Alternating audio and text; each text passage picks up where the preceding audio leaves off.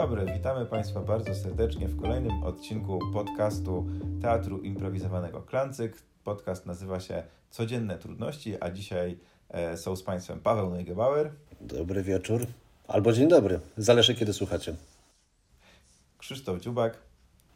Dobry wieczór lub dzień dobry, faktycznie, zależnie kiedy słuchać. E, ja nazywam się Krzysztof Wiśniewski, natomiast naszym gościem, ponieważ podcast Codzienne Trudności zawsze powinien i zawsze ma gościa, który jest inspiracją całego tego spotkania i dzisiaj gościnią e, jest e, Emi Buchwald, reżyserka, scenarzystka, nasza przyjaciółka, którą znamy od wielu lat. Wszyscy byliśmy na ślubie Emi, ponieważ zbieżność nazwisk nie jest przypadkowa. Otóż prywatnie mężem Emi jest nasz kolega z e, Klancyka, Maciek Buchwald. Dobry wieczór i dzień dobry i cześć. Ja jeszcze nie wspomniałem, że jesteś instagramerką. Jesteś influencerką Instagrama. Tak, jestem totalną instagramerką. Zastanawiam się, czy się nie przebranżowić w ogóle.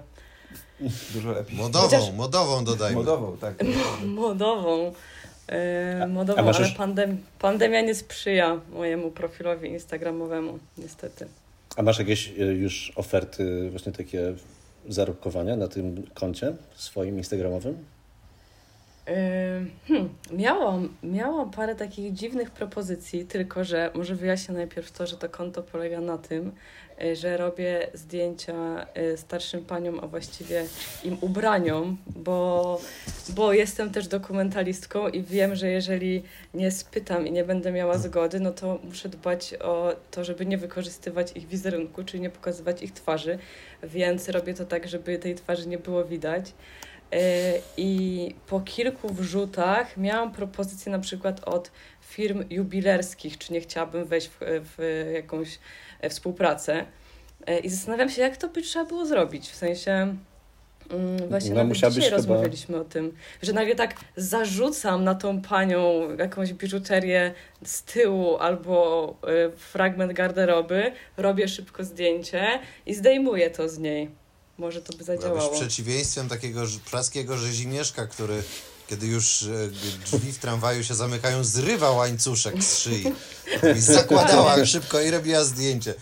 I osoba by na policji mówiła, założyła na mnie biżuterii za tysiąc złotych. Albo Tak, mów, to- że, to- mów, że będziesz wróżyć z ręki i bierzesz jej rękę, nakładasz jakieś pierścionki, szybko robisz zdjęcie i uciekasz. No. Tylko jak z daleka robi tym kobietom zdjęcie. Często, często. No właśnie różnie, różnie, bo ostatnio od jakiegoś, od dłuższego czasu zaczęłam się przełamywać trochę, w sensie i tak już przełamałam się jakiś czas temu, jak musiałam robić różne ćwiczenia dokumentalne, ale, ym, ale zaczęłam się przełamywać i czasami widzę naprawdę jakiś wspaniały element, na przykład y, wspaniały kolczyk i mam takie coś, że dobra, nie, nie będę miała tego z, z daleka, więc podchodzę do tych pań i miałam bardzo wiele wspaniałych sytuacji, bo te panie są totalnie szczęśliwe, E, bo ja do nich podchodzę i mówię im, że e, przepraszam, wygląda pani znakomicie e, i piękny jest ten element i tak dalej i one po prostu nagle się rozpromieniają i są no naprawdę zachwycone, że ktoś do nich podszedł i, i powiedział im komplement. E, Później oczywiście robię zdjęcie e, i, i one najczęściej mają, a nawet raz pokazałam jednej pani zdjęcie i ona miała takie, wie pani co, to jest naprawdę straszne dziwactwo, to co pani robi, że się, o, co, o co chodzi w ogóle z tym zdjęciem? I że w ogóle nie kumała o, o, o co chodzi, ale, ale nigdy nie miałam takiej sytuacji, żeby się nie zgodziły i to jest, w sensie to jest super miły element tego, że że czujesz, że komuś się robi miło na chwilę. To jest bardzo cenne, bardzo miłe. E, A czy myślisz, przepraszam, czy myślisz, że już są takie starsze panie? Sorry Krzychu, że ci rozpieprzam y, plan, ale mnie to bardzo ciekawi. Czy myślisz, Ami, że już są takie starsze panie, które wiedzą o tym, o, ty, o tych twoich dobrych stylówkach starszych pań, ubierają się specjalnie i chodzą po mieście gdzieś w okolicach twojego domu, żeby się dać sfotografować? Myślę, że jeszcze nie, ale myślę, że może to się wydarzyć, ponieważ a propos propozycji, dzisiaj dostałam propozycję instagramową. Yy, Napisała do mnie dziewczyna, czy yy, mogłaby wykorzystać moje zdjęcia do prezentacji podczas zajęć Uniwersytetu Trzeciego Wieku. Więc nastąpiłaby w ogóle, y, nastąpiłoby niesamowite połączenie. Starsze panie oglądałyby stylówki starszych pań, a to jeszcze nie miało miejsca, więc y, może po, po takiej prezentacji zaczną taki, tak tłumnie wychodzić na ulicę i zrobi się y, wybieg mody dla starszych pań. To byłoby fajne. Ale te panie naprawdę jakby mają. Właśnie ja szukam takich mm, stylówek, które są na maksa współczesne, w sensie, że y, trochę też śledzę to, to co się dzieje y, w takich, y, w, te, w tej takiej modzie z wyższej półki i na serio masz tak, że są jakieś pokazy i później te panie mają dokładnie to, co jest na tych pokazach. Ale ciekawe, czy to dlatego, że moda wraca, że one miały to samo 30 lat temu po prostu i teraz to jest znowu ten moment, kiedy to jest modne. Moda wraca, poza tym one ubierają się w lumpeksach i, i wiedzą dobrze, jak szukać w lumpeksach i można by się od nich uczyć tego, myślę. Mm. Albo to jest, świat mody jest jednym wielkim oszustwem i oni patrzą, co noszą stare baby, e, przepraszam, starsze panie i Jezu, nie powinienem tak mówić. To się wytnie, prawda? Obawiam się, że nie. Obawiam się, że wie, wielokrotnie mówiliśmy tak, że to się wytnie, a później to zostaje. Tak, dokładnie. Paweł, Paweł Ageista Neugebauer. Jak Jan Baptysta, Paweł Ageista. Najgorsze jest to, że ja to przejąłem od y, Asi Pawluśkiewicz, która mówi stare chłopy i stare baby i, i dla mnie to nie jest jakby neg- słowo negatywnie naznaczone, tylko taki... E, Dla mnie też nie jest. Asia mieszka na wsi. To y, tam są chłopy i baby, to jej wolno.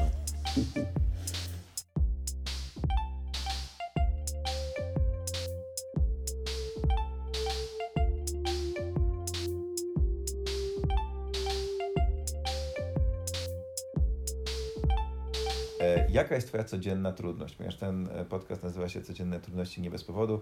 E, Kiedyś opowiadaliśmy o naszych takich drobnych rzeczach, które nas sprawiają nam trudność, irytują nas. E, Czy Ty masz coś takiego u siebie? To może być coś domowego, to może być coś zawodowego, coś, co jest innym przychodzi łatwo, a Tobie z jakichś dziwnych powodów, o których mamy nadzieję nam opowiesz, jest inaczej. Myślę, że mam i myślę, że w pandemii to się w ogóle jeszcze zmienia. I, i, pandemia, i w te- w sensie ten czas ostatnich miesięcy mm, ma swoje trudności. E, I, I szczerze mówiąc, już nie pamiętam, jakie były trudności w świecie przed pandemią. Może teraz w ogóle nie byłyby dla mnie trudnościami, wręcz przeciwnie. E, Ale no właśnie, na przykład e, jedną z takich rzeczy, jedną z trudności jest. Jest to, że ja mam wrażenie, że, że po prostu rząd sabotuje mój projekt Dobre Stylówki Starszych Pań, wprowadzając godziny dla seniorów, ponieważ yy, no, godziny dla seniorów są jedną z gigantycznych trudności, ponieważ mam dwie godziny, które, które yy, zazwyczaj przypadają na czas, kiedy chcę zrobić zakupy i tych zakupów nie mogę zrobić, muszę czekać do południa i to się wiąże z kolejną trudnością, jaką jest y, wstawanie. I to jest moja y, codzienna trudność, taka jakby od, od samego początku, od samego poranka to się zaczyna. Y, Ponieważ nigdy nie jestem w stanie się obudzić, a mam też taki zawód, który mm, powoduje, że kiedy zacznę, kiedy się obudzę i kiedy zacznę pracować, to zacznę pracować i nikt ode mnie nie wymaga em, godzin konkretnych, więc więc to jest dosyć mocno problematyczne. A mam wrażenie, że mm, jestem jedną z tych osób, które potrzebują bardzo dużo godzin snu i chodzą bardzo późno spać, więc y, to jest pierwsza trudność y, dnia codziennego. Czyli wstawanie.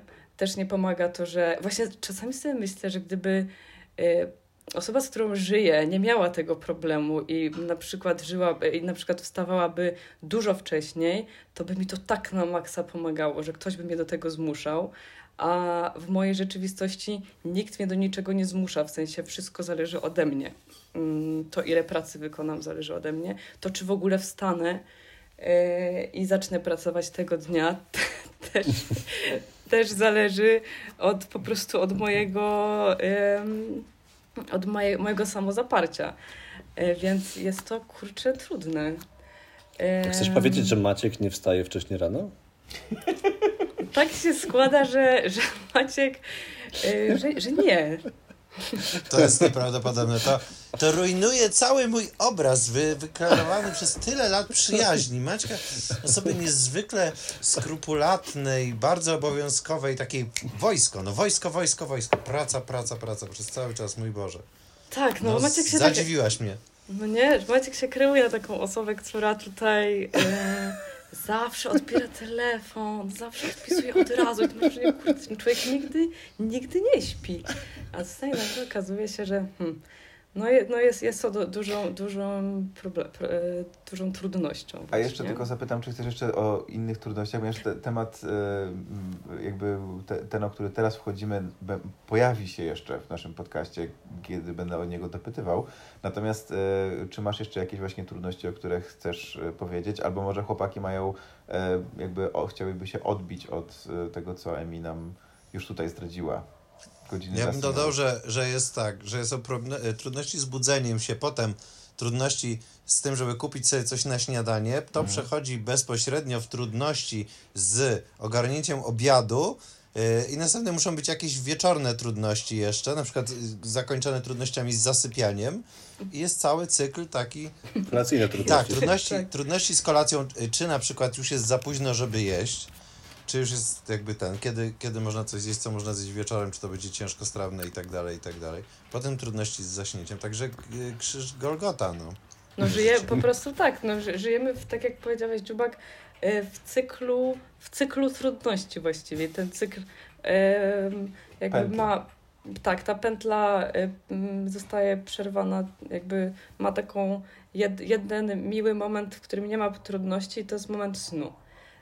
I później znowu.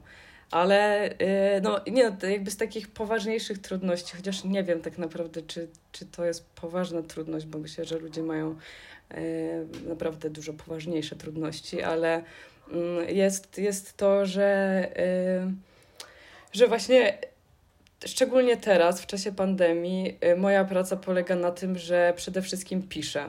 I dzięki temu, że piszę od, od paru miesięcy ze scenarzystą, to to staje się trochę łatwiejsze.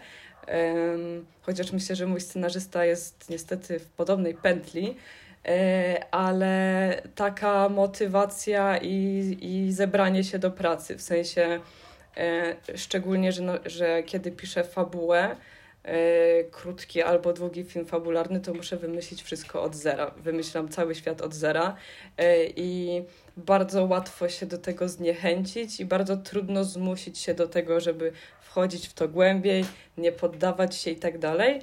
E, I też e, tak naprawdę, mm, kiedy realizuję swoje projekty, a przede wszystkim realizuję swoje projekty, e, to to są często projekty długodystansowe i tak naprawdę pozbawione jakiegoś takiego konkretnego deadline'u. W sensie deadline'y też sobie nakładam sama.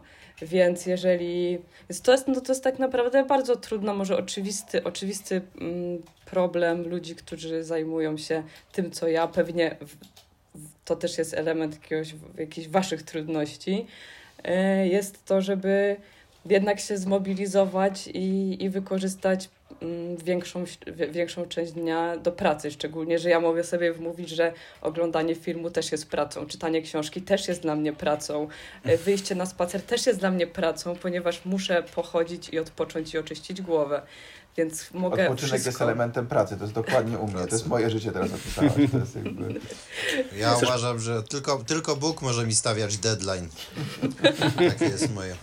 A on nie istnieje, więc nikt. Nie ma tak? no, nie ma, nie ma, nie ma deadline. Mm. To Czyli chcesz powiedzieć, trudne. że pracujesz 24 godziny na dobę, bo każdy element swojego życia, na przykład teraz Może napiłeś się- się wody, ale bez wody nie możesz funkcjonować i bez tego nie możesz pracować, więc to jest element twojej Od- pracy. Napajasz się, żeby móc lepiej pisać scenariusze. Tak, wszystko, wszystko robię po to.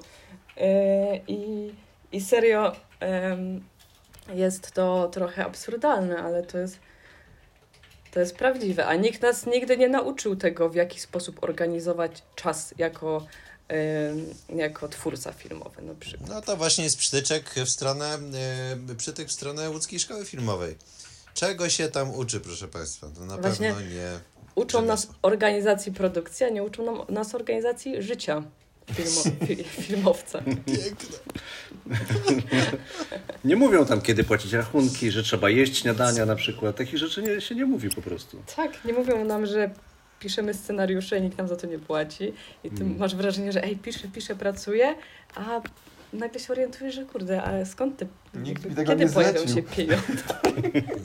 nikt mi Bóg. tego nie zlecił. Bóg zlecił.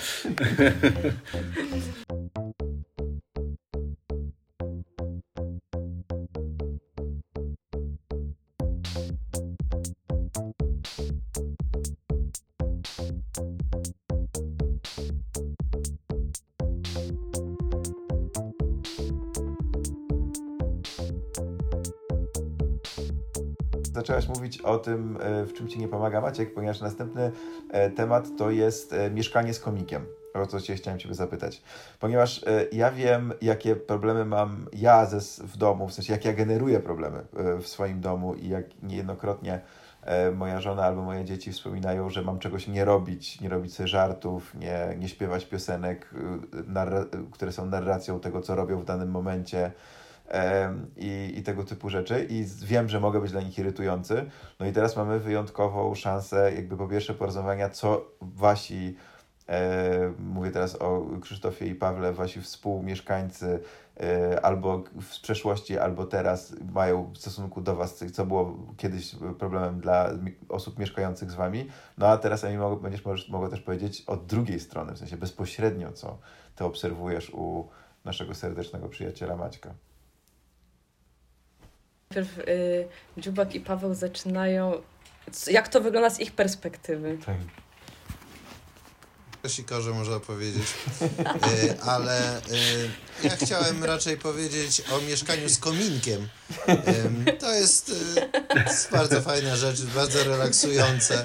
Trzeba nosić opał, ale e, trzeba uważać, żeby nie otworzyć drzwiczek, bo wtedy może iskra wyskoczyć i zatlić na podłodze taki dom. Także trzeba być ostrożnym, ale się op, e, opłaca się, bo relaks jest, jest ogromnie, bardzo fajny. Ja myślę, że moja żona na pewno wolałaby mieszkać z kominkiem niż z kominkiem. To, to, myślę, że to mogę swobodnie powiedzieć, że to jest prawda. Em, Ja mam tak, że jeż- jeżeli uda mi się rozbawić Helen, to to jest wielki mój sukces, bo ona ma y, bardzo wyśrubowane standardy śmiesznych rzeczy. I czasami jest tak, że czy zazwyczaj jest po prostu zażen- zażenowana moimi żartami.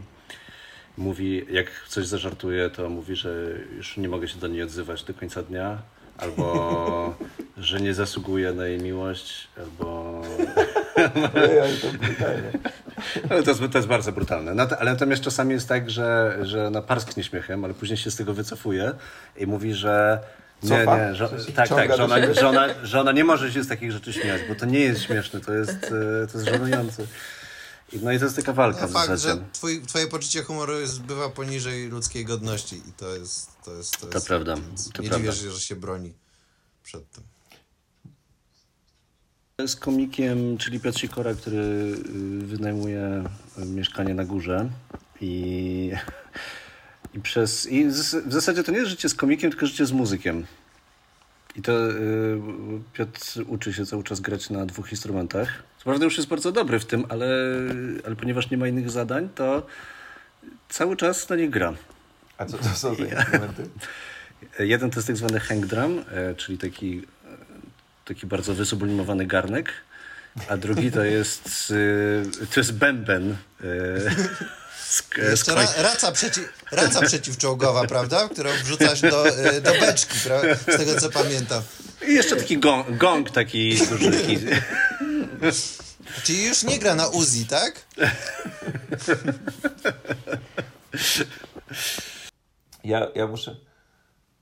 Ja muszę powiedzieć, że nie o, żeby mi się przypomniała rzecz, kolejny zarzut, który ma moja żona w stosunku do mnie, bo ona nie znosi, jak my idziemy gdzieś załatwiać sprawy formalne i ja nie mogę się powstrzymać, ja żartuję z rozmówców naszych, na przykład ostatnio w banku. Była bardzo poważna rozmowa o kredyt i ja zacząłem żartować z tego y, gościa, znaczy w sensie ja nie żartowałem z niego, ja żartowałem sobie, w sensie mówiłem, mówiłem jakieś śmieszne słowa, które on mówił, jakieś tego typu rzeczy i moja żona po prostu była na mnie bardzo zła i mówiła, proszę nie zwracać uwagi, on, on, on tylko żartuje i to było mi trochę głupio, ale z drugiej strony tylko trochę, nie, nie jakoś bardzo. To ciekawe, bo Maciek w ogóle nie jest takim życiowym komikiem, w sensie y, Maciek nie robi żartów w takich miejscach publicznych, w sensie w sklepie, y, w knajpie i tak dalej. Raczej jest, y, w sensie to jest ta druga część jego osobowości, człowieka, który żyje w świecie i chce, żeby ten świat dał mu spokój. I wtedy to się odzywa. Ale z drugiej strony w domu faktycznie no właśnie są różne momenty, y, czasami jedna strona tej osobowości przejmuje, ym, przy, przejmuje naszą rzeczywistość, a czasami druga, ale ja chyba jestem przeciwieństwem Helen, ponieważ moje poczucie humoru jest strasznie prymitywne. W sensie ja się śmieję totalnie ze wszystkich najgłupszych żartów, ze wszystkich sucharów yy, i no po prostu mnie to śmieszy. Oczywiście Maciek przegina pały często, bo jak zobaczył, że ach, to mnie śmieszy, to idzie w to już tak na maksa. Yy, i, no, i, no i czasami te żarty fekalne po prostu już yy, robią się niesmaczne.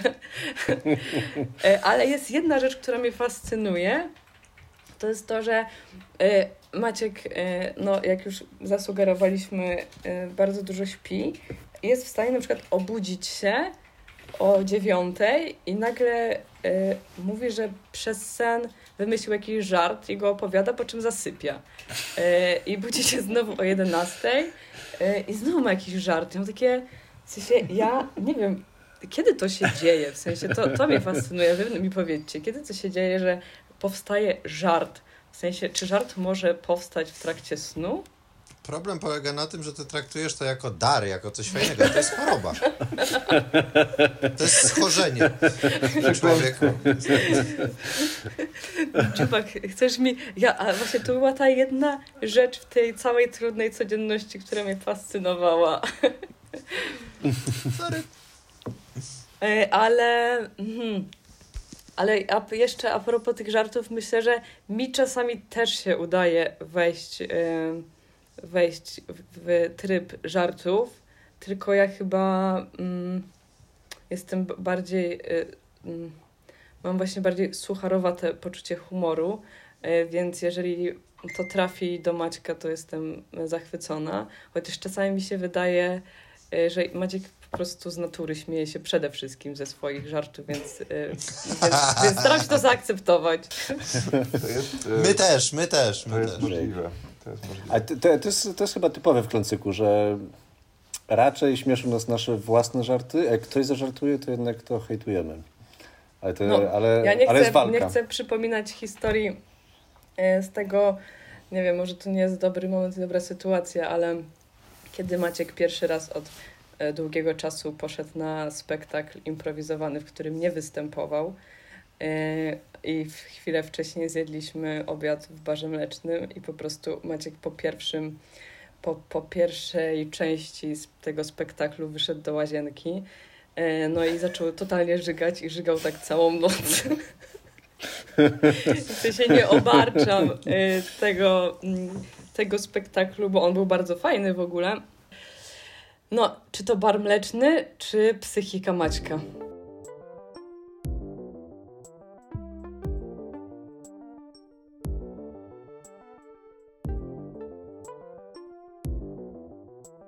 Następny segment e, jest skierowany w stronę Krzysztofa Dziubaka, ponieważ poprosiłem e, Krzysztofa, żeby, ponieważ miniony rok był jaki był, ale jedna branża, z którą ty też, Emi, jesteś w jakiś sposób związana, czyli branża filmowa jest równocześnie przegrana i wygrana e, tej pandemii. Przegrana w tym sensie, że jednak kina, ich zamknięcie spowodowały, że pewnie nie zobaczyliśmy mnóstwa fajnych rzeczy, y, które mogły być w kinach, a z drugiej strony zobaczyliśmy mnóstwo rzeczy, na które nie mielibyśmy czasu e, przed ekranami e, telefonów, komputerów albo innych e, nośników przez różne platformy streamingowe, które jednak nas kusiły swoją ofertą. I chciałem poprosić Krzysztofa, żeby nam opowiedział albo zaproponował jakiś swój wręcz ranking, albo po prostu zaproponował jakieś rzeczy, które go e, zaciekawiły i uznaję za dobre w te, o, ostatnio, które oglądał i żebyśmy mogli o tym ewentualnie porozmawiać. Jeżeli chodzi o ostatnio, to, to zostawię to na koniec, bo to jest y, oddzielna rzecz. Było parę rzeczy w tym roku, które i tak bym oglądał, czuję, nie tylko po to, żeby, żeby je katować. Mm, zauważyłem to już poddaję pod dyskusję, zauważyłem, że, że, że jednak bardzo dużo jest chłamowatych rzeczy na, na Netflixie. E, Szczególnie z, w, w kontraście do HBO, które ma dużo gorszy layout, jest nudne, jest takim nudnym wujem. E, e, Netflix jest taki, hej, hej, super, tutaj tego kolorowo, a, HBO jest takie, proszę bardzo, tutaj na tacy statycznie, czarny layout, ale jest dużo lepsze. Rzeczy, które tam są, są dużo, dużo jest ciekawsza oferta w HBO ogólnie, wydaje mi się, niż w Netflixie. Widziałem dużo jakiegoś takiego jakiegoś chłamu, którego nawet nie, nie pamiętam. Takie rzeczy, które puszczasz tylko na chwilę, masz takie, aha, dobra, wie, wiem już co to jest. Widziałem 10 tryliardów takich nara. Więc tak, nie wiem, y, na pewno i zastanawiam się też, czy jest y, jakiś film, Boże, bo na pewno jest, ale, y, ale jest, była, albo tego tak, no, ale coś takiego poważnie, no jakiś film pełnometrażowy, seriale tak, ale film, Dune bardzo chciałem obejrzeć i miałem nadzieję, że to się wydarzy, ale się nie wydarzyło. Tam ze Yy, Stingiem? To ze Stingiem, tak, cały czas się ściąga. Od 83 nie mogę jej obejrzeć. Nie, no chciałem obejrzeć tą nową Dune, jako że właśnie jestem jedną z niewielu osób, które bardzo, bardzo lubią tą, tą monstrualną porażkę tej Duny Lyncha. Zresztą bardzo mi się to podoba, lubię to. Nie. Lincza, Chodorowskiego. Y, y, Chodorkowskiego, tak. Y, oligarchy, który spieniężył, y, spieniężył Chcia- gaz. y, i- Chciał i- zrobić y, film, i a go aresztował go Putin. No i to jest strasznie... Tak, niestety nie historia. zdążył. Więc to chciałem obejrzeć, to się nie wydarzyło. Natomiast na pewno y, y, z seriali na 100% Mandalorian był ekstra rzeczą, którą, y, która po prostu podobała mi się na, na tylu poziomach, że hej, właśnie dlatego, że była zminimalizowana i była taka skromna, elegancka i fajna. Yy, I, i, i, I to było w kontrze do wszystkiego innego, co wybucha przez cały czas. Yy, I myślę, że totalnie niezależnie od tego, że mamy teraz więcej czasu, obroniłby się Tiger King, King, który jednak był ogromnym wydarzeniem z jakiegoś powodu. I też mi się to bardzo podoba, bo to jest jakieś dziwactwo, które się przebiło i przemówiło do wszystkich. Yy, I taka niejednoznaczność tej, tej całej sytuacji. Podoba mi się i, ta, i ten serial, i fakt tego, że on tak zażarł. Yy, bardzo mi się podobał. I jeszcze jeden serial, który mi się bardzo podobał, który był na, na HBO był i nazywa się Devs. Yy, I jest o, o, o tym, co się stanie, kiedy komputer kwantowy będzie naprawdę rozbudowany. I jest to bardzo fajny serial. On trochę chyba załapał trakcji, trochę nie, nie mam pojęcia, więc może jeżeli ktoś go nie widział, to polecam. Yy, Szczególnie, że, że taką zupełnie inną i dramatyczną rolę gra tam y, ten... y, Cezary Pazura. Cezary Pazura z Bogusławem Lindo. To jest nieprawdopodobne. Po angielsku idealnie, idealnie mówią.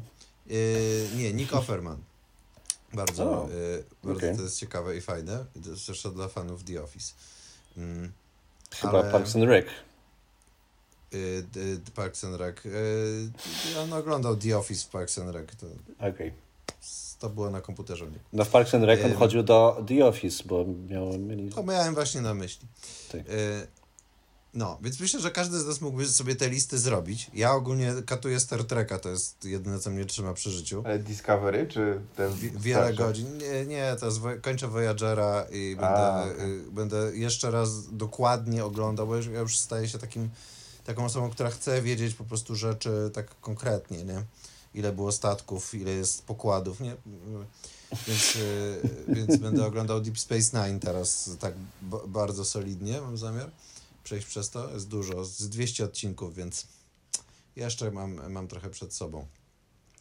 Yy, No, ale yy, więc każdy z nas pewnie może sobie zrobić tą listę, ale w sumie yy, ciebie Emi chciałem zapytać o, yy, o tą yy, rewolucyjną sytuację, która się zdarzyła teraz dwa miesiące temu, tak? Czy miesiąc temu, kiedy, yy, kiedy Warner Media zdecydowało się, że, że po prostu filmy idą i na streaming, i do kina, i że właściwie nie wiadomo, czy te kina będą i nie będą. Wszyscy ogłosili śmierć kina. Mm, A wiem, że jest, ty jesteś osobą, dla której ta projekcja to jest to, to docelowa rzecz, to robisz filmy po to, przynajmniej tak ja to zawsze odbierałem, żeby one były w kinie, tak jak chcemy, żeby one były oglądane. Ja też się pod tym podpisuję.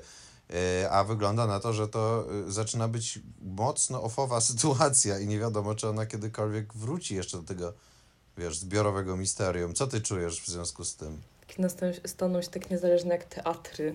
No, Ale nie, ja, ja myślę, w sensie, no jest trudna, ta sytuacja jest bardzo trudna i, i, i słyszymy cały czas, że premiery są przesuwane, że, że po prostu dystrybutorzy boją się wypuszczać, w sensie boją się nawet zakładać, tak samo zresztą e, jak, jak koncerty, no nie, w sensie boją się zakładać w ogóle, kiedy coś e, wypuszczą. Naj, chyba najbardziej taką sławną historią jest to, co się dzieje z Jamesem Bondem, że wypuścili piosenkę Billie Eilish jakiś czas temu i ona miała być hitem i miała po prostu podbijać. Ona stała się hitem, ale trochę jest tak, że już chyba nikt o tej piosence nawet nie pamięta. W sensie to już było parę miesięcy temu.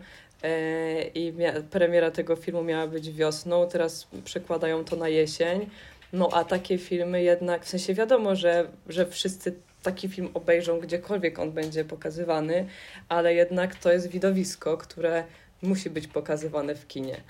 E, Z drugiej strony, na przykład rozmawiałam też z ludźmi, którzy zajmują się festiwalami filmowymi i oni, mimo że też mają trudno, to w niektórych przypadkach poradzili sobie chyba całkiem dobrze i nawet e, na przykład festiwale, które mm, są mniejsze i odbywają się w, bardziej powiedzmy niedostępnych miejscach, podobno dzięki temu, że, że przeniosły się częściowo albo zupełnie do internetu, mają większą publikę, bo po prostu no, ludzie mają szansę ym, jakkolwiek do tego dotrzeć, siedząc w domu.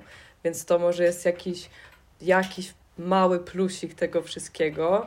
Yy, I, i, I podobno też yy, te festiwale chcą nawet w niektórych przypadkach zostawić yy, w, w przyszłości część pokazów właśnie w internecie, żeby mm, połączyć to, w sensie, żeby było to i w kinie, i w internecie. Yy, No, my na przykład w czasie pandemii jesteśmy w jakimś takim dobrym czasie, że piszemy i na przykład yy, nie mieliśmy, ja nie miałam filmu, który, którym, chociaż miałam dokument, który, który chciałam nakręcić i, i czekam, aż pandemia się po prostu skończy, bo, e, bo muszę go kręcić na mieście, a nawet jakby, jeżeli bym nie chciałabym, żeby w moim filmie po prostu wszyscy chodzili w maseczkach, a w dokumencie po prostu tego nie przejdę, nie, nie przejdę ponad tym. Z drugiej strony te, te produkcje filmowe, fabularne też są po prostu odbywają się w jakichś hardkorowych restrykcjach, co jest jeszcze bardziej stresujące. I też rozmawiałam z ludźmi, którzy na przykład kręcili swoje debiuty w tym czasie i na przykład byli w trakcie zdjęć i musieli je przerwać i wrócić po jakimś czasie. To musi być na maksa stresujące i nieprzyjemne, bo jesteś już w jakimś procesie e, z ludźmi, e, w jakimś po prostu układzie, który, który na przykład działa i musisz z tego się wycofać i czekać, co, czekać na kolejne mm, restrykcje i, i, i to, co się z tą pandemią wydarzy. Ale jeżeli chodzi o kina, no to mi się wydaje, że w sensie ja mam ciągle taką nadzieję i, i że, że jednak to wszystko powróci, bo no z drugiej strony też się mówi o tym, że e, właśnie dla Netflixa i dla, dla wszystkich tych platform to jest w ogóle idealna sytuacja i on, Netflix coraz bardziej też przecież wchodzi e, w festiwale, więc filmy Netflixowe też są tam pokazywane, więc, e, więc na pewno oni to wykorzystują. E, Ale z drugiej strony są też filmy, które dobrze po prostu działają, bo kiedyś było coś takiego, że był film telewizyjny, no nie, że nawet nie był pokazywany w kinie. I jest taki rodzaj, no, no seriale, które też są coraz bardziej filmowe, y, mają takie, jakby nie, nie masz potrzeby oglądania tego w kinie. Ale z drugiej strony właśnie ja na przykład myśląc o swoich filmach, gdzie jednak mm, to, to było właśnie czymś, co mnie zawsze jara i to, że jestem w ciemnej sali, że jest gigantyczny obraz, y, że opowiadasz właśnie obrazem, no to jest to coś, co, co, co może trochę przeraża, ale, ale z drugiej strony mm, myślę, że kina są wciąż zbyt istotne i, y, i też nie poddadzą się tak szybko.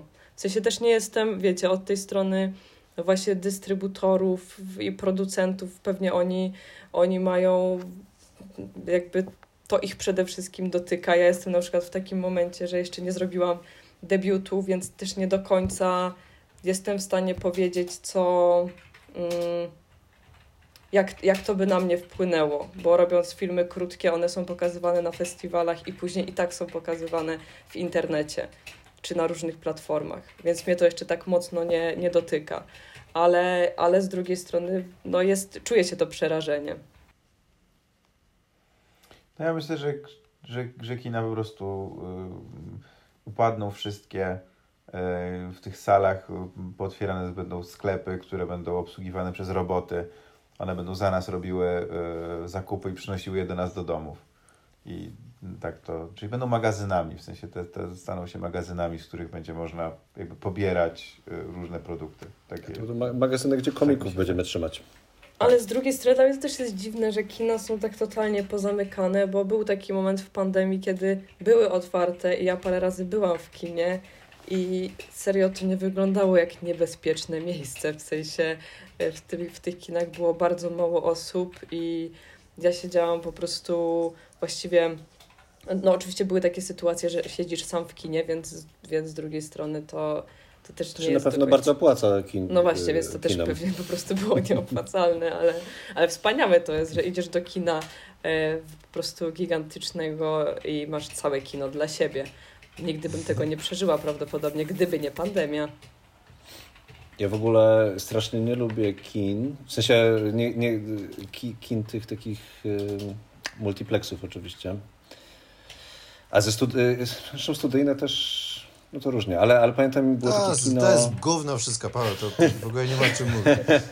Nie, ale pamiętam, jest takie kino na starym, na, na Nowym Świecie. Nie, przepraszam, na krakowskim Przedmieściu. Y, y, Kultura. Kuja kultura. Kultura, no właśnie. I ja W pamiętam, raz środku tam, jest kino Race jeszcze. ja raz tam, właśnie, rejs. Ja raz tam byłem i kupiłem bilet i oni powiedzieli, że no dobra, dobra, tylko y, muszą, jeszcze nie wiedzą, czy w ogóle odpalą ten film. I tam przyszła druga osoba i powiedzieli, dobra, to odpalamy. I, i, i, i dla dwóch osób im się opłacało, ale dla jednej już, y, dla jednej nie. Był to film pod tytułem Dwie osoby w kinie. Ale to jest takie, bo to jest, bo to jest tak samo jak my mówimy, że gramy spektakl, jeżeli będzie więcej widzów niż grających na scenie, to może tam też ten y, osoba, która... Tam był jeden obsługuje- aktor, tam był jeden Tak. aktor, tyle, no, Który tak- opowiadał, co się dzieje. Mówił, no i teraz lecą samoloty Tak, tak, bo nad Normandią, film. tam jest ogromny szturm. To nie był film, to było nagranie, jak, y, jak człowiek opowiada, co obejrzał właśnie. Najgorsze jest to, że ludzie będą uzależnieni po pandemii od przewijania filmów. E, I po prostu, kurczę, w kinie nie da się przewinąć. Może takie suwaki po prostu będą dodatkowo przy siedzeniach, żeby każdy mógł sobie... Wy przesuwacie filmy, naprawdę? Bo Ja, nie przesuwam- przes- ja też nie przesuwam. No, ja, ja czasami to robię. E, se, nie, seriale przede wszystkim przesuwam czasami. No i na pewno Krzysztof Star Treka nie przewija, w sensie to jakby nie wierzę, żeby to przewijał. To jest jakby... Raczej, raczej nie przewijam, przesypiam, przesypiam czasem. Czasem są już takie bzdury tam, że po prostu jest Jezu, to ciężko, mam. ciężko to zrobić. Ale ogólne koncepcje są ciekawe, no poza tym Ja nie chciałem ci się przyznać do tego, ale jakby ja byłem kiedyś bardzo wielkim fanem Voyagera, to był moje, jeden z takich licealnych w ogóle, śledziłem, czekałem na każdy odcinek i teraz jakby wróciłem do tego serialu, tylko niestety e, w- jakby podczas bezsennych nocy i to jest tak, że ja za każdym razem zasypam na, na, tym, na, na tym serialu, za każdym razem. Nie, no do pewnych rzeczy trzeba sobie wybu- wybudować aparaturę jak naukowiec po prostu, który w specyficzny sposób analizuje tekst, nie? Tego tak na, na grubo, tak usiąść z kimś i tak nasuwamy y, Voyagera z 96, po prostu dla normalnej osoby to jest nie do, nie do przeżycia moim zdaniem. Trzeba być bardzo dobrze do tego nastawionym, bardzo, bardzo specyficznie być zainteresowanym tym i wtedy można to oglądać. Inaczej to jest nie do zrobienia po prostu. Moim zdaniem. Ja Starzeje się. się, ja się trochę boję w to wchodzić, ale chyba masz rację, mam złe nastawienie po prostu, bo mi się wydaje, że to są jakieś meandry, nudy. To jest ekstremalna nerdoza, jest to super jakby nudne, w powtarzalnych schematach, niezbyt dobre aktorsko, niezbyt dobre Kostiumy, dramaturgicznie. te kostiumy, które nie są dobre, Kostiumy są- kosmici nie ale- wyglądają na Tak, kosmitów. ale i wszystko jakby, ach, ale, ale sama Czubek, koncepcja no nie tego reklamujesz tego, fiction- powiem. Nie, zupełnie tego nie reklamuję. To są moje badania. E, Gdyby tam było napisane, ile osób ogląda, byłoby jedna osoba ogląda to teraz. E, I to byłbym ja. Ja mam. I to jest... Ja tak, ja tak Wy jesteście miała... daleko, muszę mieć jakichś przyjaciół. No, jest- Tam jest taki podgląd, Ja że tak możesz oglądać tą do końca osobę. życia z Władcą Pierścieni, że jak już nikt nie będzie oglądał Władcy Pierścieni, to ja wciąż będę oglądała Władcę Pierścieni. O to chodzi. Oglądasz wielokrotnie w Władcy Pierścieni? Tak. Wracam bardzo często, y, oglądam też rozszerzone wersje Władcy Pierścieni, y, cał, ale to jest nic w porównaniu do Star Treka, bo to są zaledwie, zaledwie 12 godzin seansu. Każda część ma 4 godziny chyba w wersji rozszerzonej. No tak. Mm, No więc Nie. trochę głupio mi mówić o tym przy fascynacji Dziubaka.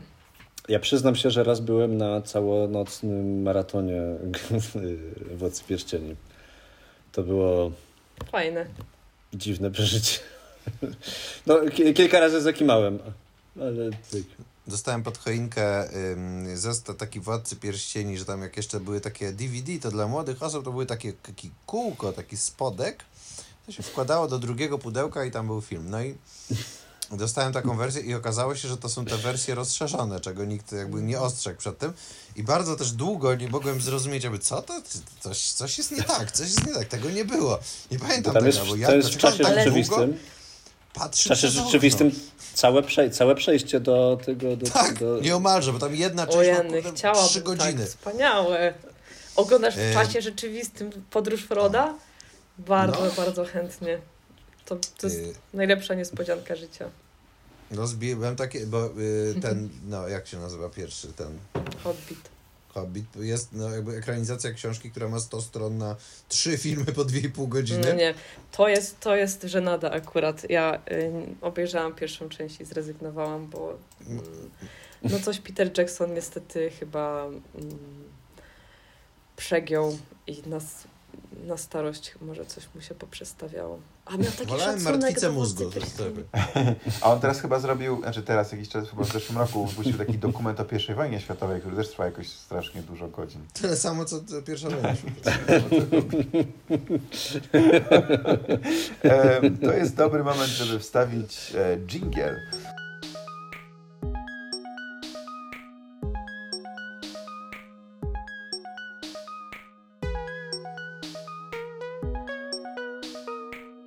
Ponieważ e, przechodzimy do następnego e, tematu, którym są pytania od Emi. Ponieważ e, nie wiem, czy zauważyłaś, ale my w tym podcaście najbardziej lubimy sami mówić, więc zapraszamy gościa, żeby zadał nam pytanie. Więc to jest ten moment, kiedy oddajemy, dajemy Ci taką możliwość zadania pytania nam. Ale mam, y, miałam dla Was trzy pytania.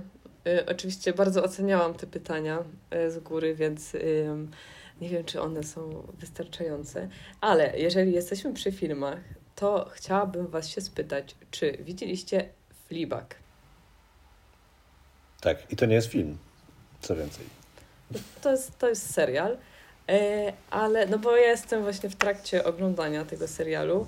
e, I Ja, widzia, ja od razu powiem, że widziałem tylko fragmenty, jestem cały czas, wie, wiem, że jest feedback i, i, i wpadłem niestety w tą sytuację, którą ludzie często wpadają, że jak, jak z The Wire albo coś, który oglądałem, ale nie cały, ale i tak ludzie, jest ostracyzm, że nie widziałem nie cały, że widziałem tylko trzy sezony, nie? To już jest ostracyzm, to już jesteś, jesteś nikim, widziałeś tylko trzy sezony. Więc, Dziubaka, ty e, też się widziałeś tylko trzy a- sezony The Wire? ty kmiocie.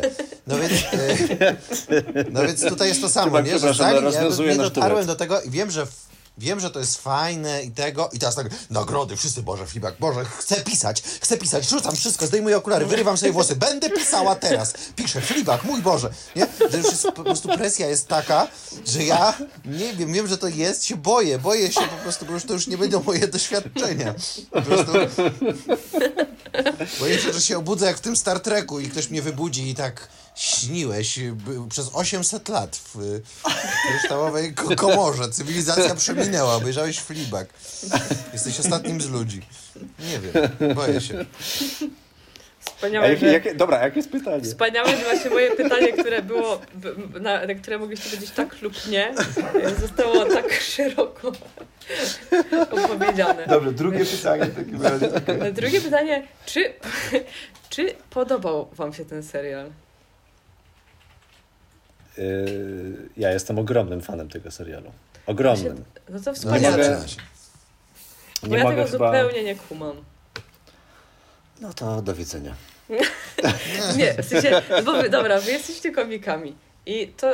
to em, dobra, to skończmy to pytanie. Em, co was w tym śmieszy? A mnie to nie tylko śmieszy, ale też porusza bardzo. Bo, w sensie nie jestem tak bardzo na świeżo, yy, bo ja to obejrzałem chyba z... Kiedy to było? Z rok temu? Półtora roku temu? A, czyli byłeś jedną z pierwszych osób, tak? Byłeś takim prekursorem, jakby w awangardzie oglądania najlepszego serialu. Czyli wyczułeś nosem, że to jest najlepsza rzecz, zanim inni to Ja to oglądałem jeszcze zanim ludzie, wiesz, dostali histerii. Yy, Więc ja też nie jestem tak bardzo na świeżo, ale, ale je, kurczę, no i co mi się w tym Potrzebuję waszej, waszych krótkich recenzji. Bardzo, bardzo mi się podobało mm,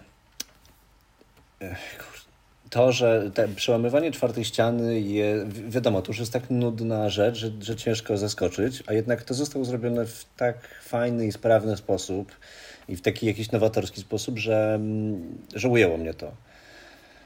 Fantastyczna yy, postać księdza. To jest w ogóle sztos to w jaki sposób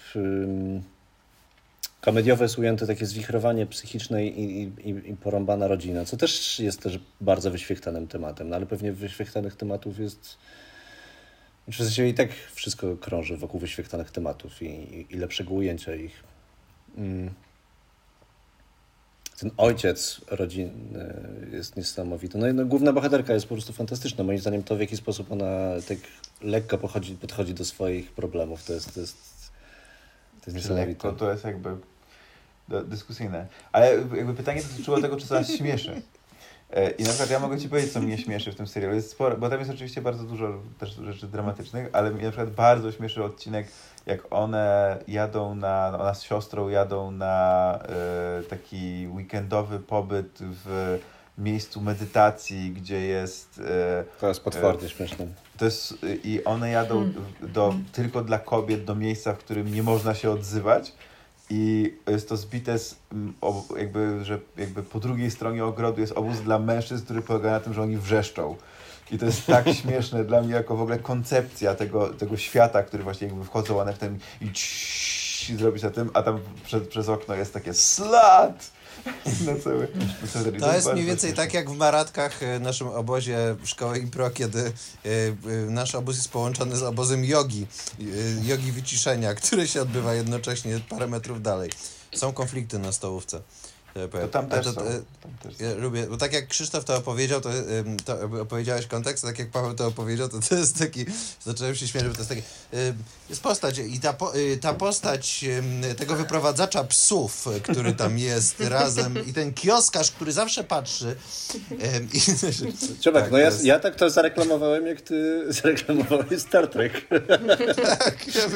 No właśnie, niestety nie jestem przekonana do Star Treka po naszej rozmowie i do Fleabag też nie jestem przekonana.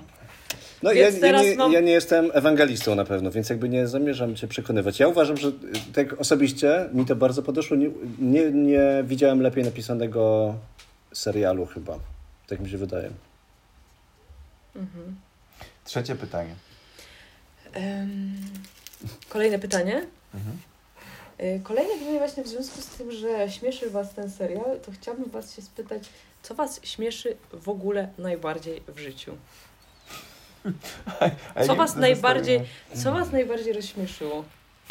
W ogóle w życiu? Co nas najbardziej na- Czy rozśmieszyło? pamiętacie coś, co Was najbardziej pewno. rozśmieszyło? I to pytanie łączy się z jeszcze jednym pytaniem. Czy klancyka śmieszy tylko klancyk? Trochę już o tym rozmawialiśmy, ale musicie wybrnąć jakoś z tego połączenia kilku pytań. na bardzo głębok, na takim bardzo głębokim poziomie tak. Dlatego, że to jest przeżycie po prostu nie tylko pasywne, ale też y, aktywne, po prostu imer, imersja. Więc na pewno nic mnie nigdy nie rozśmieszyło bardziej niż nasze jakieś sytuacje, które prawdopodobnie też nie były na scenie, tylko prawdopodobnie myślę, że były w samochodzie.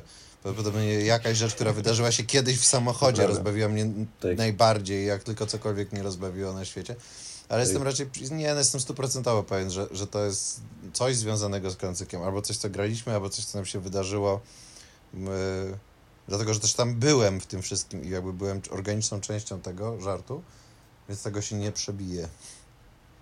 To jest w ogóle legendarna e, taka e, wręcz taki mit klancykowy, że jechaliśmy kiedyś na bardzo daleko do Rzeszowa, czy gdzieś tam na jakiś bardzo daleki gig i na wysokości Radomia Bartek Młynarski opowiedział żart, Mhm. który rozbawił wszystkich tak nieprawdopodobnie, że śmialiśmy się przez następne pół godziny, po czym zapomnieliśmy ten żart. Nie pamiętamy tego żartu.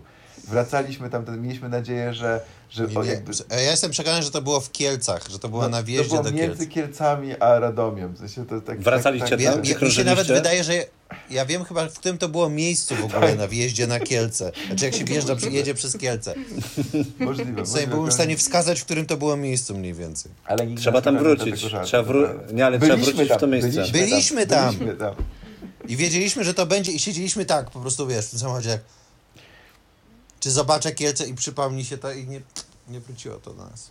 E, Ja bardzo lubię, e, mnie śmieszy bardzo dużo rzeczy bardzo, i bardzo różnych rzeczy mnie śmieszy. Na przykład ja bardzo lubię rysunki satyryczne, w sensie uważam, że są czasami bardzo, jestem fanem, e, to zresztą kiedyś, mi- kiedyś mi Maciek wypomniał, bo kiedyś udostępniałem rysunki z New Yorkera u siebie na Facebooku i on mi kiedyś powiedział, no jesteś chyba jedyną osobą, która to robi.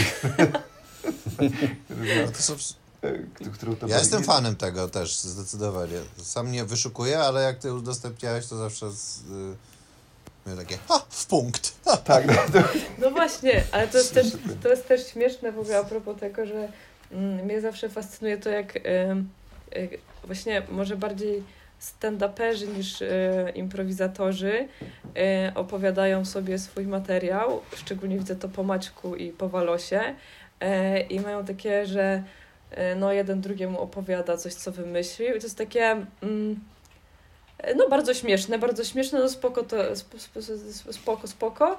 I jest cisza, w sensie, że oni się z tego nie śmieją, tylko ym, doceniają, w sensie jakby rozumiem, że, że są, ym, że też musicie rozumieć y, żarty w ten sposób, e, ale skoro ta druga osoba nie reaguje śmiechem, tylko reaguje oceną taką, że mhm, to jest śmieszne, e, to czy to jest naprawdę śmieszne?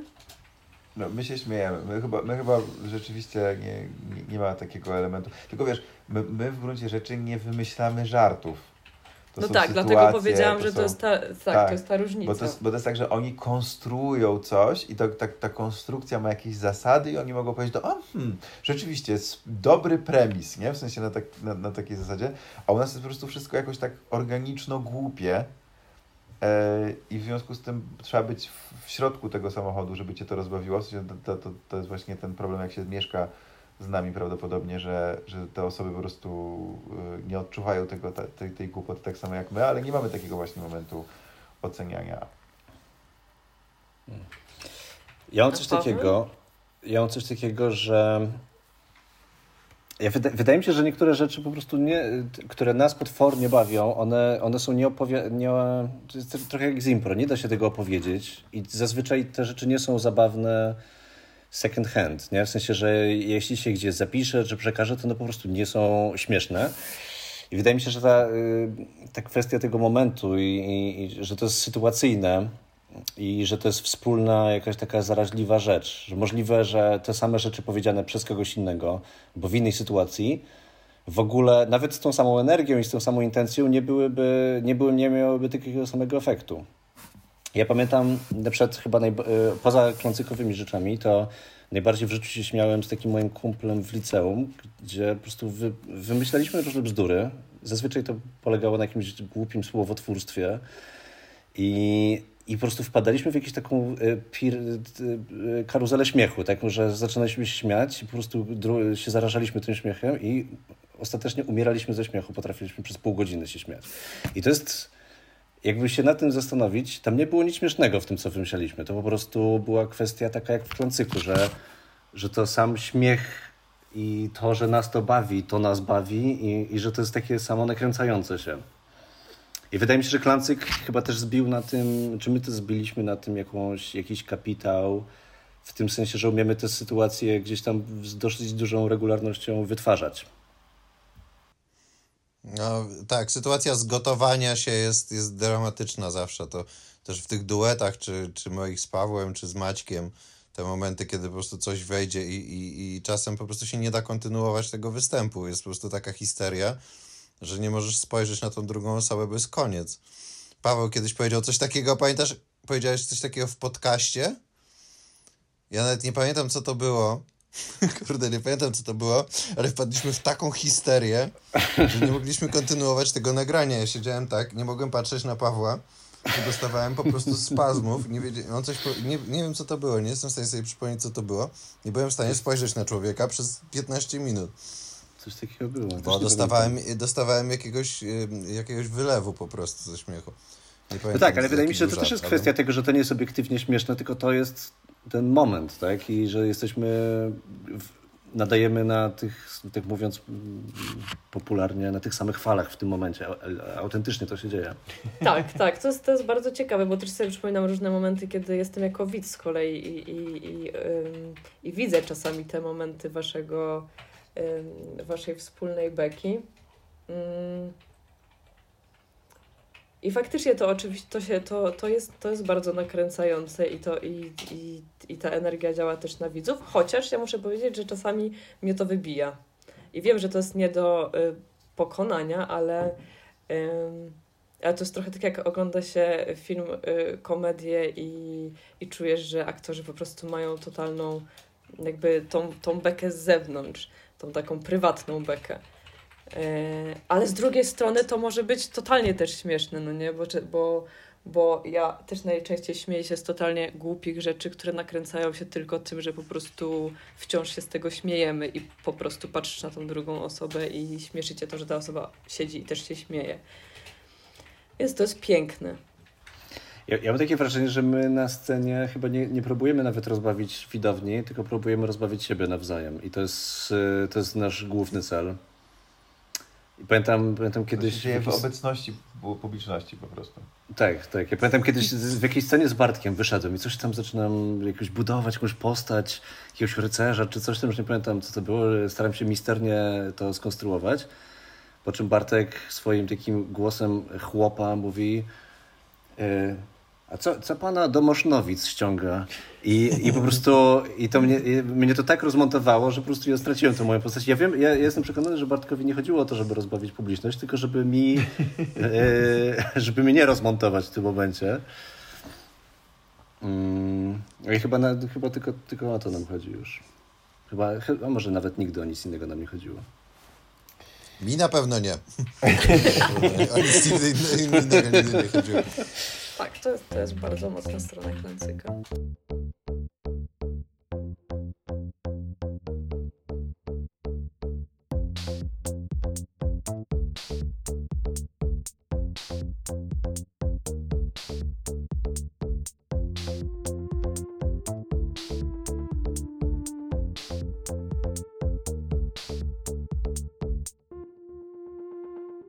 Dużo czytam e, Emila Ciorana i jestem pod jego dużym wpływem. I, i No, to jest dobry chłop, to do, dociorany przyłóż.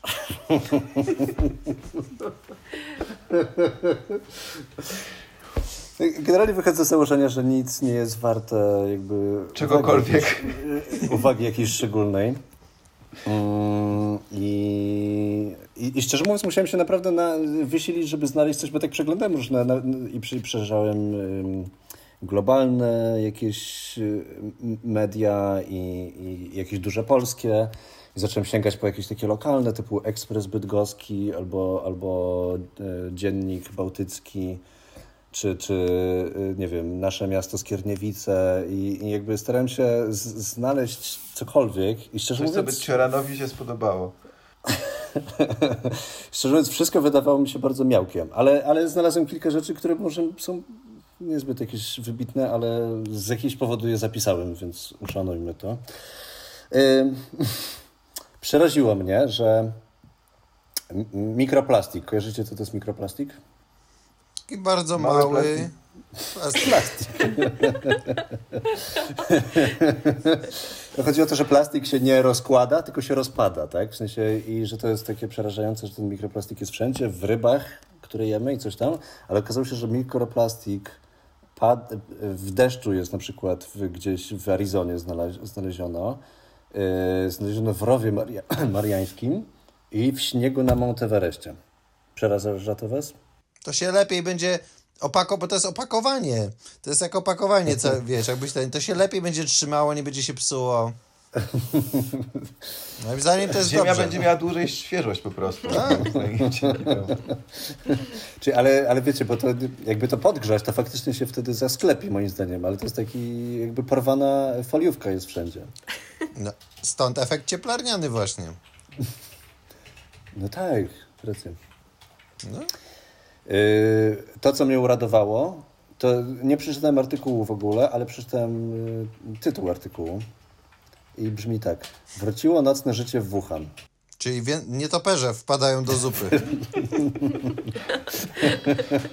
Właśnie dokładnie to była moja myśl, że nietoperze znowu już latają swobodnie sobie.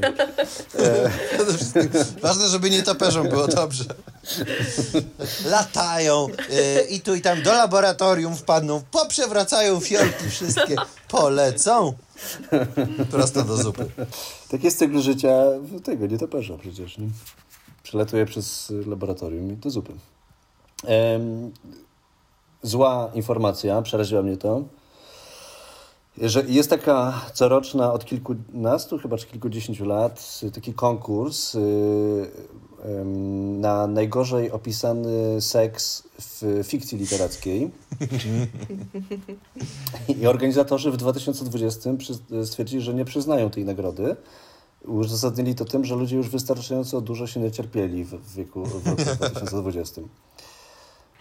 I, I ja jestem koneserem źle opisanego seksu w y, książkach. Szczególnie, bo ten, y, to uznane tylko dobre książki, w sensie uznane jako okej książki, nie, nie jakieś romansidła i nie 50 twarzy Greya, tylko w dobrych książkach zły seks. To, To jest może mają jakąś shortlistę, do której możesz zajrzeć.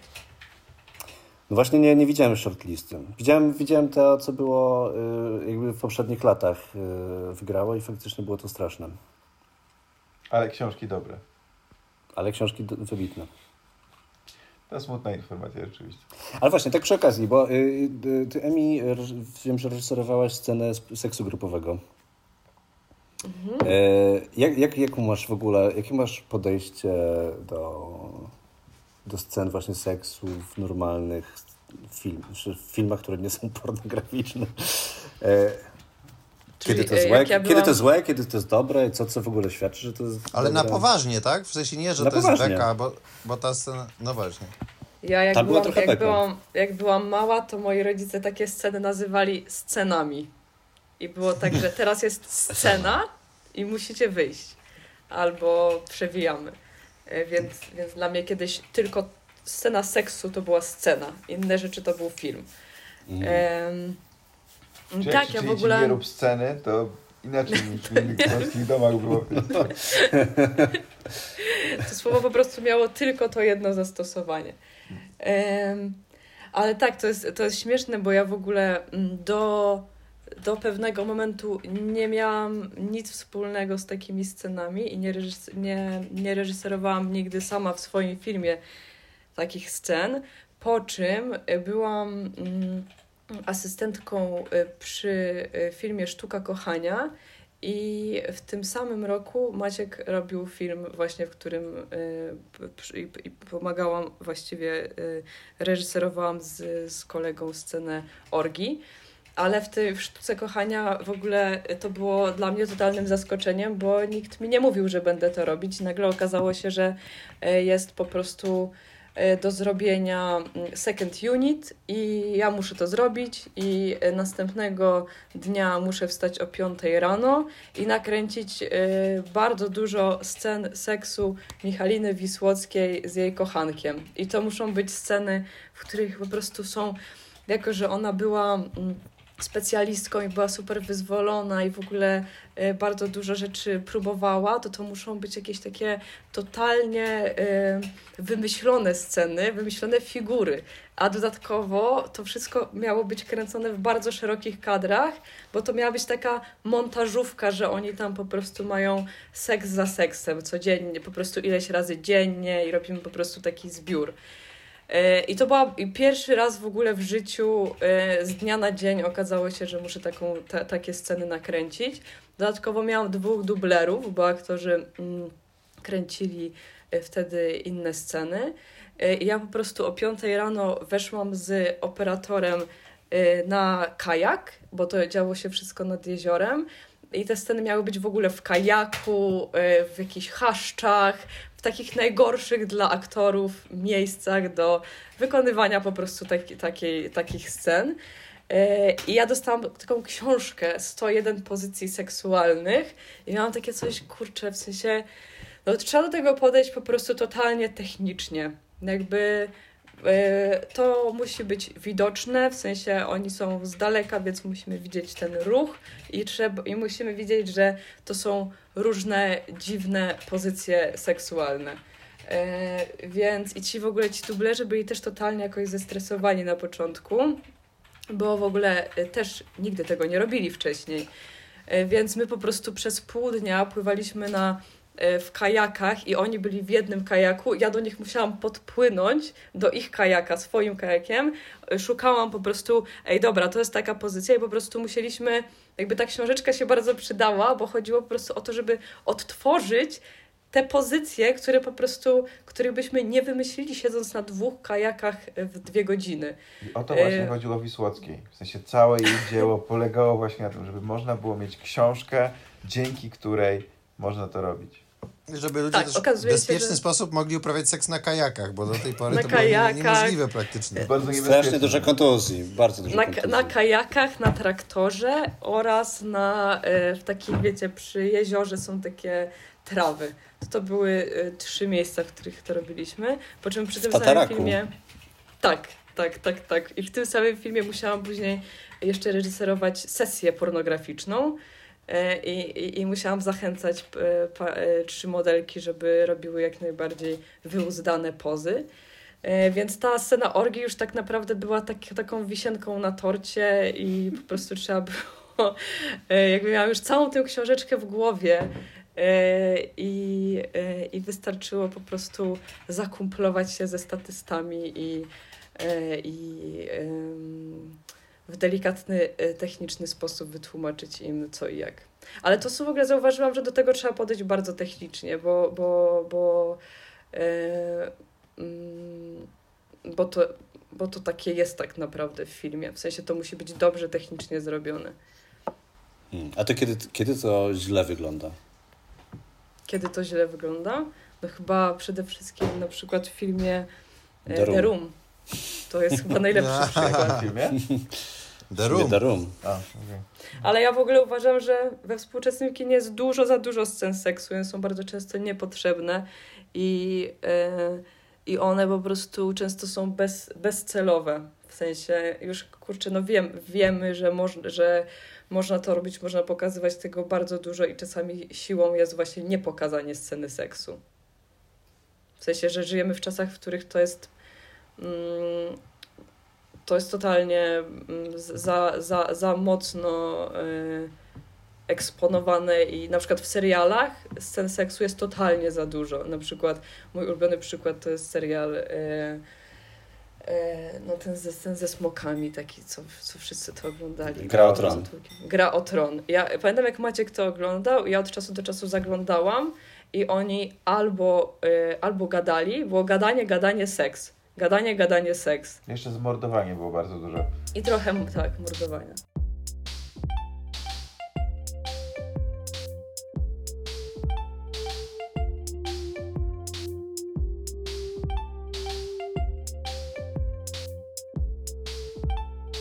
Wisienką e, na torcie e,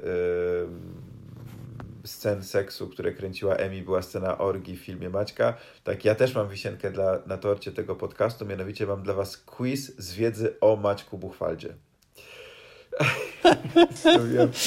Ja już muszę, ja już muszę kończyć. Jest, e, i tak, I jest, tak ostatecznie wszystko jest o Maćku. tak, dokładnie. To, to jest taka klamra tego- spinająca nas Okej. wszystkich jako ludzi. My sobie zawsze E, żartujemy, że my jesteśmy po prostu postaciami w filmie o Maćku. Że to nie jest nasze życie, że to jest po Pobocznymi. prostu... pobocz- Jesteśmy pobocz- pobocznymi wątkami w filmie o nim. E, Gdzie w mieszkaniu Maciek najbardziej lubi spędzać czas? W łóżku. W Źle. łazience. W wannie. Maciek najbardziej No w w wannie, no wiedziałam. w wannie. No ale to jest. No tylko, że jak. No dobra, nie chcę się z tym kłócić, ale w wannie tak, ale. e, ale moim zdaniem Maciek, w sensie on sobie nie zdaje sprawy z tego, że woli spać niż myć się. Jakby nie sądzę, że mycie się jest mocną stroną Maćka. Ja myślę, że przede wszystkim nie krępuj się jakby to, że mówisz, nie chcę się z tym kłócić. Totalnie możesz się z tym kłócić, to są odpowiedzi Maćka. Jakby to możesz się z tym kłócić. E, jego bez punktu dla ciebie niestety, ponieważ jednak on e, mimo kłótni powiedział, powiedział w wannie. Pytanie dla chłopaków. Czego Maćkowi najbardziej brakuje w pandemii? Pił, pił, piłki. Piłki, E, planu, nie. Krzysztof miał, Krzysztof miał rację. Piwka na mieście. Najbardziej Mm. mu brakuje. Więc, a co Emi chciałaś powiedzieć, bo podniosłaś rękę? Wydawało ci się, że wiesz coś innego. Myślałam, że piłki, no w sensie nie myślałam, że Maciek tak otwarcie przyznaje się do tego, że jest takim, taką ćmą barową. Co najbardziej Maćka frustruje w życiu codziennym? To jest jedno słowo? Tak, to jest jedno słowo. Życie. Nie wiem, czy chyba to uznam, bo on powiedział wszystko. No tak! Więc mi się wydaje, że mogę to uznać. To jest bardzo. Ja myślę w ogóle, że życie jest fajniejszą odpowiedzią niż wszystko. Y, Pytanie do chłopaków. To, y, czego Maciek y, się boi? orzechów, ryb, orzechów. To jest coś z jedzeniem. Boi się... Wiem, wiem, wiem. Boi się śmierci. Dokładnie. Maciek boi się śmierci. Ale nie ma jakiejś fobii takiej, że się bał czegoś? No bo jest, śmierci, jest śmier śmierciofobiem. To ja się Starości boję. i śmierci. Emi, masz jakąś fobię taką, jak Paweł się boi żyraf i to jest fakt. Ty Yy, się boisz żyraf, naprawdę? Boisz się cze... Paweł się boi żyraf. A ty Emi się boisz czegoś? Na zasadzie takiej nie, nie znoszę tego zwierzęcia albo tego czegoś, albo kształtu chleba, nie wiem. No właśnie myślę o tym, ale chyba skoro mi nie przychodzi od razu do głowy, to chyba nie. Wiedziałabyś. boję. Wiedziałabym. Ja się boję innych ludzi. No tak. Mhm. Niepotrzebnie krzykuję. Masz... Ile to ważysz? Z 80... 90 ile co ważysz? Nie, zresztą się historia wypo- ludzkości to się pokazuje, wypowie. że totalnie nie ma co się bać yy, innych ludzi. Jesteś w stanie zdominować większość osób. I intelektu intelektualnie, i masą swoją. Dziękuję. To, to, to, to miłe. Obydwu, obydwa punkty są miłe. Chociaż ostatnio schudłem, więc jakby masą coraz mniej jestem w stanie pójść. Ale, ale jak spojrzysz na większość świata, to jednak są albo dzieci, albo zasuszeni starcy. Dobra, to teraz pytanie łatwe, więc kto pierwszy, ten lepszy. Ulubiony film Maćka to? No jakiś film Emi wydaje mi się. Eternal Sunshine for a Spotless Mind. Of a Spotless Mind. Synek Docha. Nie, ciekawe. On powiedział, że, że znasz tą odpowiedź. Jak we śnie? Nie. Zakochany bez pamięci? No synek Docha, Nowy Jork. Maciek kłamco. Kat!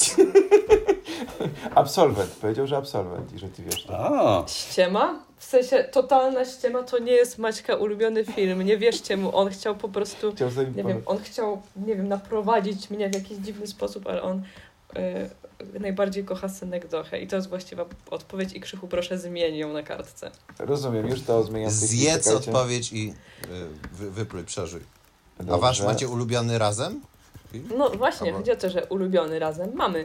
I to jest jak we śnie i absolwent, ale osobny ulubiony film Maćka to jest synek Docha. I takie są A twój, a twój osobny? Powinnam powiedzieć chyba Władca Pierścieni, no bo jakby Wypadałoby zakochany, po- po zakochany bez pamięci, filmy Baumbacha, Wesa Andersona.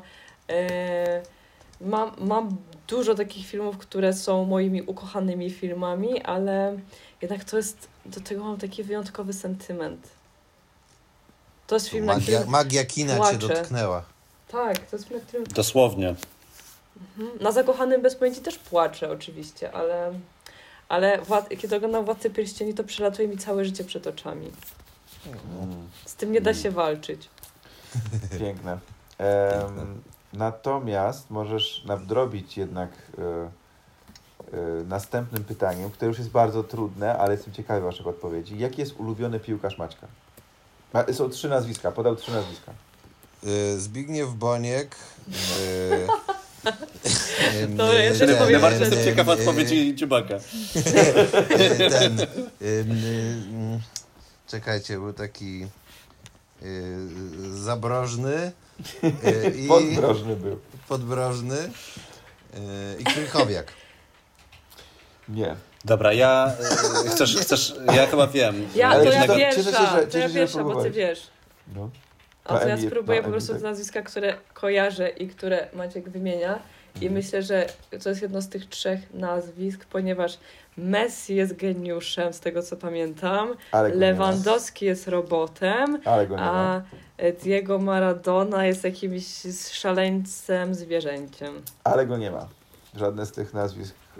Ewidentnie Maciek nie mówi prawdy w którymś momencie. Albo mi w Mhm. odpowiedziach, albo tobie w życiu. Nie wiem. Paweł? E, Mo Salah, E, Okej. Ty- Rozumiem to, ten kierunek, ale nie. Sadio Mane, Po prostu y, zawodników I- Liverpoolu chcesz teraz powiedzieć. Virgil van, van Dijk. Nie, no więc y, jest to... Wiecie, to, to, brzmi jak, Ronaldinho. to brzmi jak nazwiska kucharzy. Też? Żadnego z tych nazwisk nie słyszałem nigdy w życiu.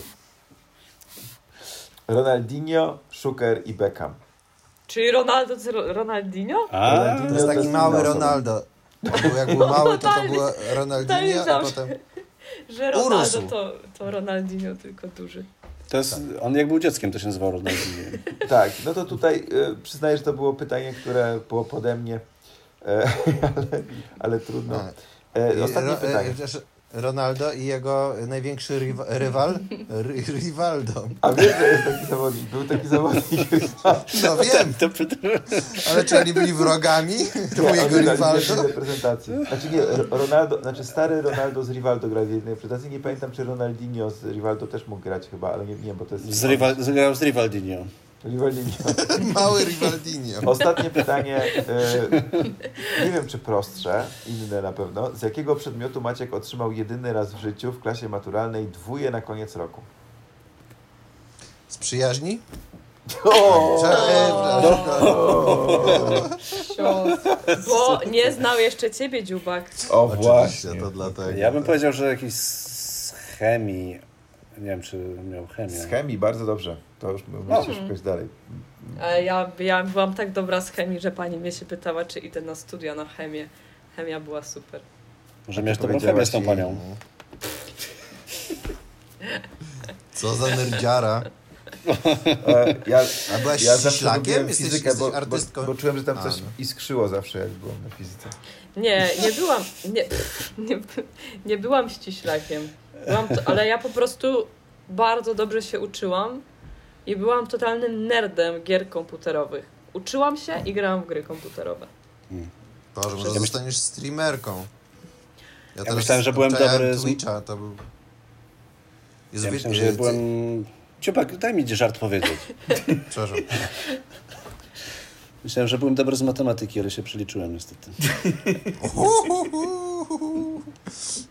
Ciupak, ten żart miałby więcej sensu, gdyby był zaraz po, po żarcie z fizyki. Wiem, wiem. Po prostu zauważyłem, że w, był taki moment, Państwo tego nie widzicie, że zaczęliście z Emi w taki sam sposób pocierać sobie czoło. I to wyglądało bardzo dziwnie. dokładnie, dokładnie tak samo. Walczyliśmy o atencję. To był, Tak. e, to był quiz e, z wiedzy o Maćku Buchwaldzie. Wygrała go e, Emi, chociaż jakoś, znaczy wydaje mi się, że lepiej znasz odpowiedzi niż Maciek, to, to, to na pewno na, e, na te pytania. Tak, E. następnym razem, Krzychu, jak będziesz robił quiz o Maćku, to pytaj mnie. Dobrze, Nie tak myślę, że to, jest, e, że to będzie uczciwsze. To była ostatnia część e, zaplanowana podcastu, więc e, chyba jest to dobry moment, żeby e, poprosić o ostatni już dżingiel. I podziękować e, wszystkim. Dziękuję Ci, Emi, za to, że zgodziłaś z nami e, porozmawiać. Dziękuję Maćkowi, który chodzi za Twoimi plecami właśnie z piwkiem. Że E. pozwolił mi mówić.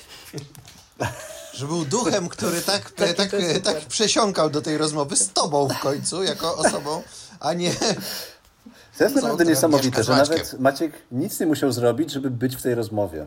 Nie? No tak, jednak- no po prostu ja myślałam, że wy chcecie ze mną porozmawiać o mnie, no a wyszło jak zawsze. To był podcast Codzienne Trudności, tym razem z pobocznym udziałem Maćka Buchwalda.